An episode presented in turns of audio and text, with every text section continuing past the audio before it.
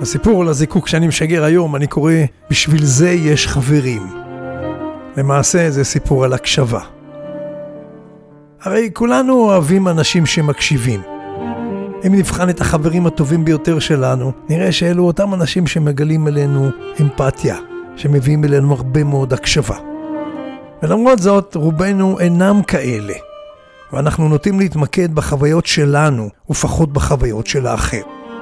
פעמים רבות תהיתי מדוע איננו קשובים. האם זה עניין של נימוס, של חינוך? האם זה עניין שאנחנו עסוקים בעיקר בעצמנו? או שמא מרבית האנשים מסביבנו אינם באמת מעניינים, ואולי אפילו קצת טרחניים. להזכירכם, אתם על זיקוקין דינור, פודקאסט שמעלה סיפורי חיים קטנים, מהחיים של כולנו, שיש בהם חומר למחשבה. אספר לכם בקולו, שוק הדינור. אז הנה הסיפור כפי שתורגם מספרדית. באחד הערבים, בשעה מאוחרת יחסית, כך מספר המספר, הטלפון צלצל בביתי ועל הקו אחד מידידיי הטובים ביותר. שמחתי לשמוע אותו כי חלף קצת זמן מאז ששמעתי ממנו לאחרונה. אתם יודעים, החיים מנתבים אותנו בתקופות מסוימות, כל אחד לעיסוקיו. מה שלומך? הוא שאל אותי, ומבלי מיסים עניתי לו מתוך דכדוך שאחז בי לרגע שאני מאוד בודד. אתה רוצה שנדבר? הוא שאל. אמרתי לו שמאוד אשמח לשוחח איתו. אתה רוצה שאני אגיע אליך? הוא הוסיף. תוך פחות מרבע שעה הוא דפק על דלתי. התחבקנו, מזגתי קפה, פיזרתי מעט עוגיות ודברי מיתיקה אחרים, וכך ישבנו ושוחחנו כמעט עד עלות השחר. שוחחנו על הכל. למעשה, למעשה, אני שוחחתי.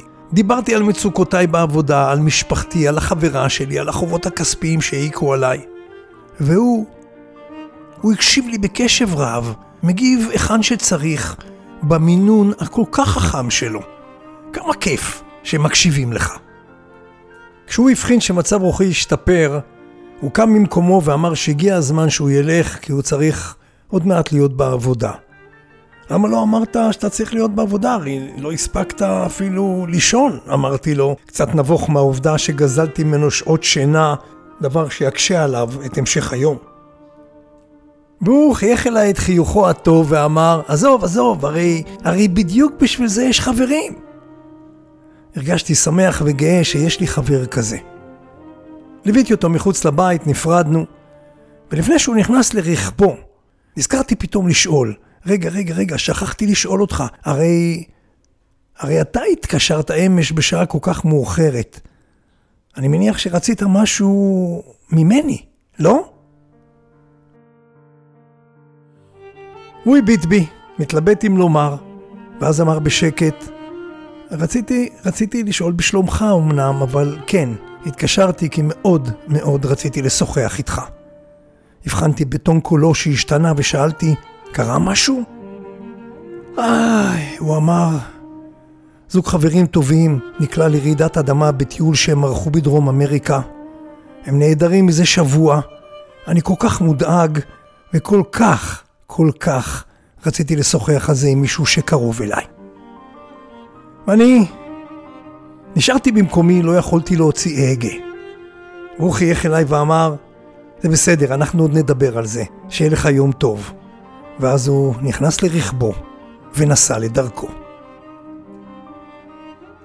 השחר הפציע, ואני עמדתי מחורבל ברחוב עוד דקות ארוכות, מביט ברכבו המתרחק ומתקשה לחזור לדירתי. קשה היה לי לסלוח לעצמי על שהייתי מרוכז כל כך בעצמי, ודווקא, דווקא ברגעים שמישהו אחר כל כך היה זקוק להקשבה שלי. זה הסיפור לקוח מתוך אתר אינטרנט בשפה הספרדית שנקרא שלום פנימי. מקור הסיפור לא ידוע לי. רק אצטט משפט קטן של הדלאי למה הטיבטי, שאמר פעם, כשאתה מדבר, אתה חוזר על מה שאתה כבר יודע. כשאתה מקשיב, אתה עשוי ללמוד משהו חדש. כשאתה מקשיב, אתה עשוי ללמוד משהו חדש. המוזיקה הנעימה שברקע היא של פול דה סנביל, Mariage d'Amour, מנגן בצ'לו נגן בשם האוזר. זיקוקין דינור, שוקה דינור.